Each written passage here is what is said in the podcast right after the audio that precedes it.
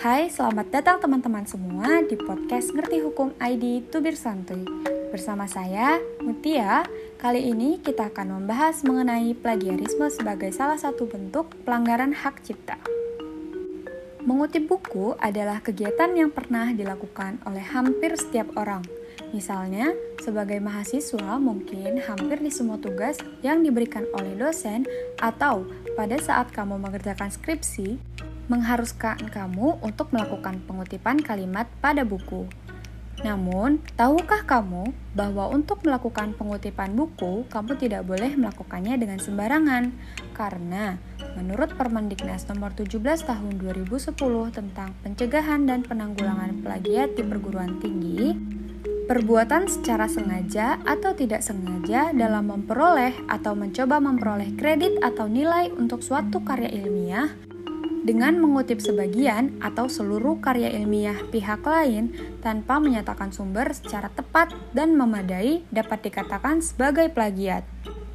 Plagiarisme ini memiliki beberapa jenis kegiatan, misalnya seperti replication, misleading attribution, verbatim plagiarism, invalid search, dan lain-lain.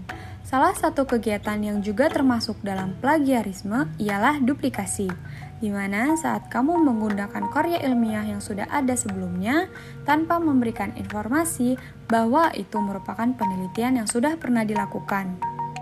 Tindakan-tindakan plagiarisme tersebut merupakan suatu bentuk pelanggaran hak cipta, sehingga pelaku plagiarisme dapat dijatuhi hukuman karena tindakannya yang secara tidak langsung mencuri karya orang lain.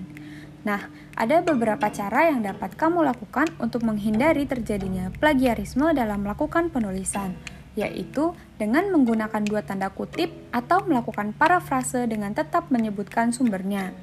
Selain itu, untuk lebih meyakinkan bahwa tulisan jauh dari unsur plagiarisme, kamu dapat menggunakan aplikasi atau software untuk mengecek tingkat plagiarisme pada tulisan kamu.